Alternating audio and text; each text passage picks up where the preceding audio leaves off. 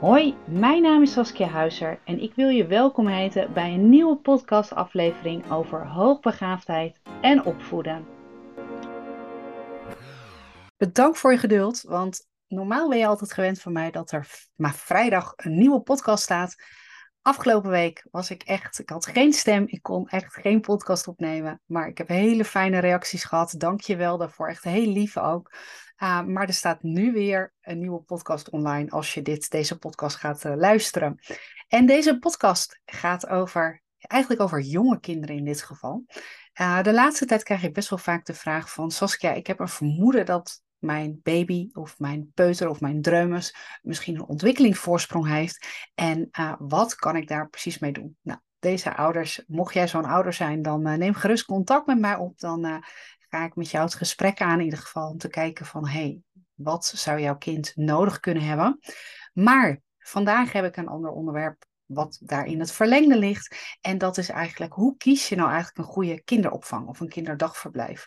En uh, hoe zorg je er ook voor dat deze overgang ook zo goed mogelijk ook verloopt voor je kind?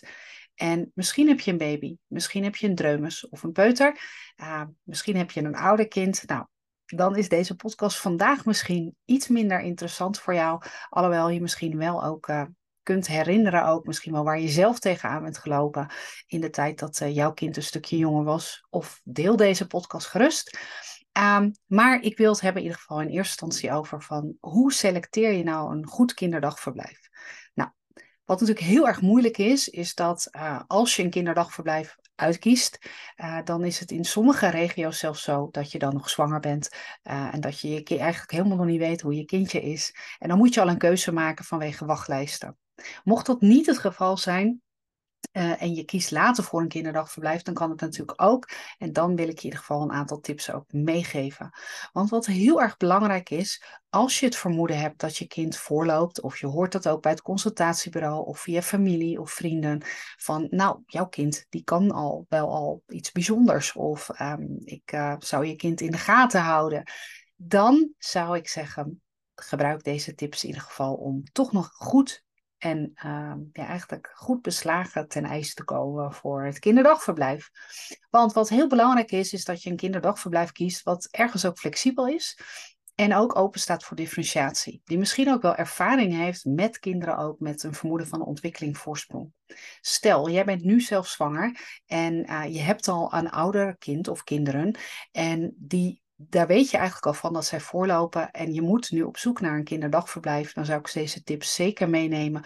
Want het gebeurt heel vaak uh, dat als uh, een van de kinderen slim of hoogbegaafd is of een ontwikkelingsvoorsprong heeft, dat de andere kinderen dat ook kunnen hebben. Niet in alle gevallen overigens, daar ga ik binnenkort ook een podcast over opnemen, maar in veel gevallen wel. Dus uh, neem dat in ieder geval mee. En dan kun je dus ook de vraag stellen als je bij een kinderdagverblijf gaat kijken ook van, hey, hebben jullie ervaring rondom kinderen met een ontwikkelingsvoorsprong?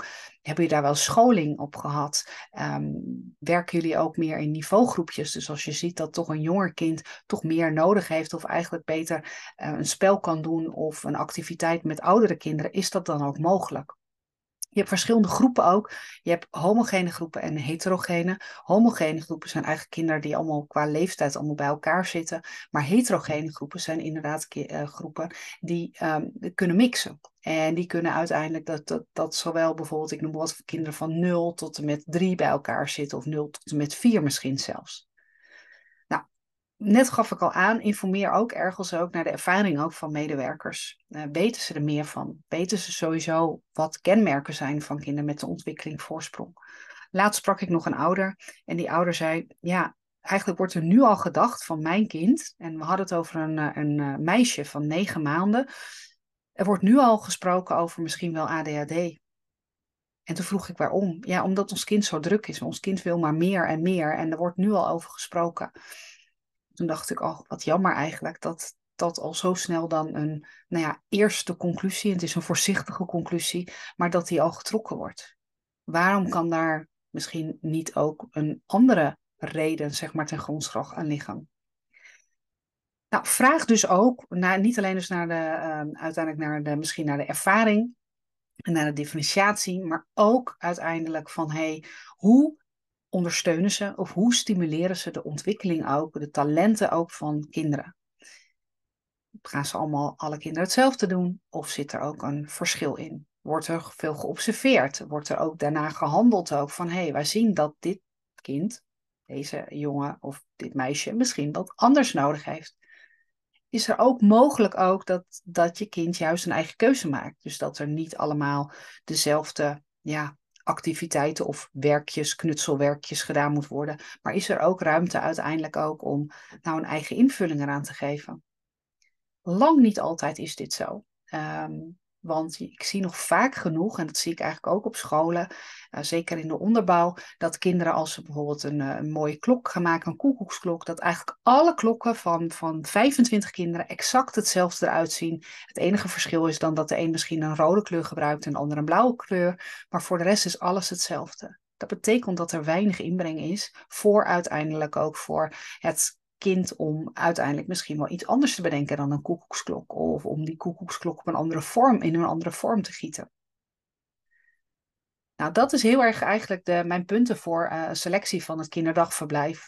Als je kijkt ook naar de overgang, als je kind dus voor het eerst naar het kinderdagverblijf gaat, is dat sowieso voor jou als ouder best spannend. Want ja, wat gaat jouw kind ervaren? En misschien is jouw kind thuis snel overprikkeld. En ja, hoe gaat het dan op een kinderdagverblijf waar misschien wel tien kinderen in een groep zitten, of misschien wel meer? Ik weet eigenlijk niet hoeveel kinderen dat op dit moment is.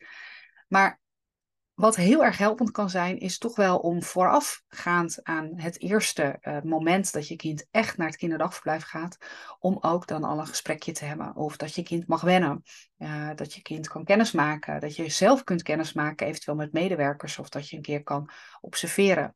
En zeker het wennen aan de omgeving is voor je kind heel erg prettig. Als er eventuele informatie al beschikbaar is vanuit het consultatiebureau, vanuit de jeugdarts of vanuit een andere observatie, uh, probeer dat te delen ook met het kinderdagverblijf. Dat geldt trouwens ook voor, eigenlijk voor, ook voor de, als je kind naar groep 1 gaat of naar de peuterspeelzaal. Het helpt uiteindelijk een kinderdagverblijf enorm, of een peuterspeelzaal of dus een school, om uiteindelijk ook al te weten van, hé, hey, hoe is dit kind?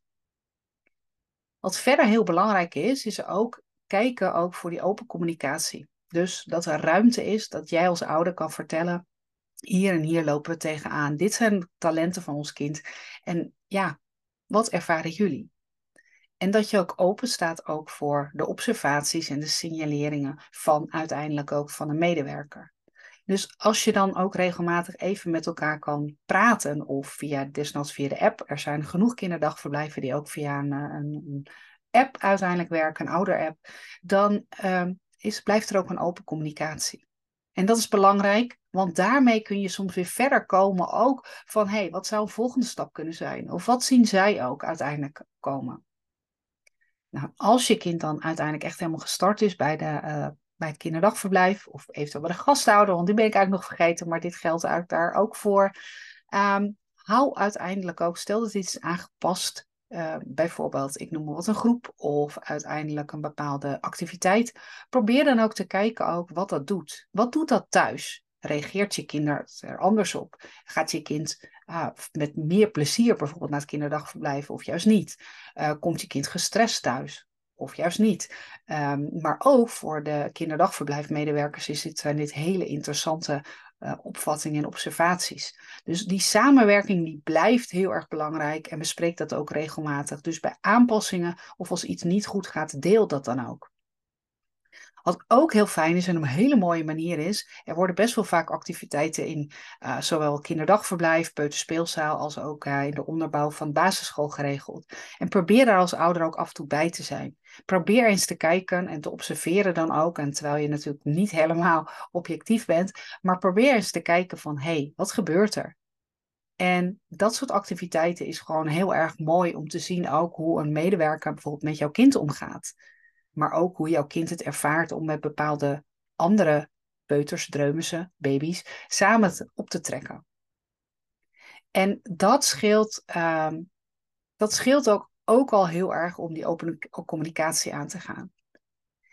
En verder wil ik voor kinderdagverblijf uh, medewerkers, als je daar nu luistert en je bent een kinderdagverblijf professional uh, of een gastouder, probeer ook eens te kijken om flexibiliteit aan te bieden, ook aan het dagprogramma van een kind. Als het kind echt nou, meer uitdaging nodig heeft. En neem daarin ook de ouder heel erg serieus. Als de ouder aangeeft van ja, ik denk dat ons kind meer nodig heeft, probeer dan ook mee te denken en probeer ook te kijken van hé, hey, de ouder weet ook hoe het gaat. En die heeft ook al dingen uitgeprobeerd thuis en loopt ook tegen issues aan. En probeer daarvoor open te staan. En ik weet dat het niet gemakkelijk is als je al een groep kinderen hebt die ook zorg behoeven allemaal, uh, dat je dan heel veel dingen anders kunt doen. Maar kijk eens wat er al is er maar iets kleins, maar dat dat mogelijk is. En observeer dan ook wat het dan gaat lukken. En wat er ook gaat gebeuren uiteindelijk ook. Nou, deze podcast gaat dus over de keuze, of ging over de keuze van een kinderdagverblijf. Hoe ga je uiteindelijk de start maken op een kinderdagverblijf? En hoe ga je ook tijdens de periode dat je kind daar is, hoe ga je dan ook de lijnen kort houden, zodat je goed kunt communiceren? Blijf vooral die communicatie open houden. Op het moment dat je het een keer niet met elkaar eens bent, probeer even een stap, paar stappen terug te nemen en probeer te kijken wat er dan anders moet of waar er ergens weerstand is, aan welke kant ook. Nou, door dit alles hoop ik eigenlijk dat uh, jij als ouder en uh, uiteindelijk natuurlijk ook jouw zoon of dochter een hele positieve omgeving heeft om te ontwikkelen. En dat is uiteindelijk gewoon het doel ook. Einde van deze podcast. Maar ik wil je nog heel even iets vragen. Want um, ik heb al heel veel podcasts gemaakt. En dat doe ik met heel veel plezier en heel veel liefde. En ik zou het zo fijn vinden als je mijn podcast een. Ja, eigenlijk een review wil geven. Dat kan op Spotify heel eenvoudig door middel van sterretjes. Uh, je kan tegenwoordig kun je ook al iets over een aflevering zeggen. Uh, het zou heel erg helpend voor mij zijn, omdat de podcast dan nog beter uiteindelijk uh, ja, een goed, beter bereik heeft ook voor andere ouders. En dan wordt hij beter zichtbaar. En dat is iets wat ik wil. Ik wil ouders helpen. Ik wil dat jij als ouder je gehoord en gezien voelt. En dat je, nou ja, eigenlijk met een aantal tips al een stap verder kan komen. Mocht je nou toch denken, ja, ik, ik heb echt meer hulp nodig. Uh, kijk op mijn website. Uh, ik heb daar, bied daar verschillende ja, opties eigenlijk aan. Onder andere bijvoorbeeld een uur uh, oude begeleiding, één op één, ga ik helemaal naar jou luisteren waar jij tegenaan loopt. En dan gaan we samen kijken naar passende manieren en passende um, oplossingen uiteindelijk om uh, zaken voor jouw kind, maar misschien ook wel voor de gezinssituatie of voor jou als ouder. Want het is echt niet altijd gemakkelijk als ouder, weet ik ook uit eigen ervaring, om mee te denken. Een andere optie, en die wil ik ook alvast noemen, en die ga ik de komende tijd vaker noemen, is dat er binnenkort een online training aankomt, waarin heel veel informatie gedeeld wordt. Eigenlijk voor, voor eigenlijk al hele jonge kinderen tot eigenlijk puberkinderen, zeg maar, tot het moment dat ze uh, nou ja, misschien wel uit huis gaan. En daarin ga ik verschillende onderwerpen benaderen en benoemen. En door middel van uh, filmpjes en ook uiteindelijk. Uh, luisterbestanden kun je uiteindelijk deze training bekijken. En waarin je eigenlijk, je kan alles bekijken en alle filmpjes, maar je kan natuurlijk ook bekijken wat er net van toepassing is, waar jij tegenaan loopt ook uh, als ouder, uh, om je kind nog beter te kunnen helpen. En mocht je daar interesse in hebben, ik uh, heb een wachtlijst aangemaakt en dan mag je sowieso mag je daarop. En voor de mensen die zich daarvoor inschrijven, die krijgen op het moment dat die online komt, er is wel enige vertraging ontstaan voor de mensen die al op de wachtlijst staan, vanwege dat ik uh, even eruit was. Uh, maar dan krijg je ook een hele mooie aanbieding in ieder geval om in te stromen. Ik wil je bedanken voor het luisteren naar deze podcast. En het laatste wat ik nog wil zeggen is: mocht je zelf een vraag hebben of tegen iets aanlopen, stuur me dan een mail naar info.saskiahuizer.nl of stuur een berichtje op Instagram. En dan zet ik jouw onderwerp ook op de lijst om misschien wel binnenkort een podcast over op te nemen. Dankjewel voor het luisteren en graag tot de volgende keer.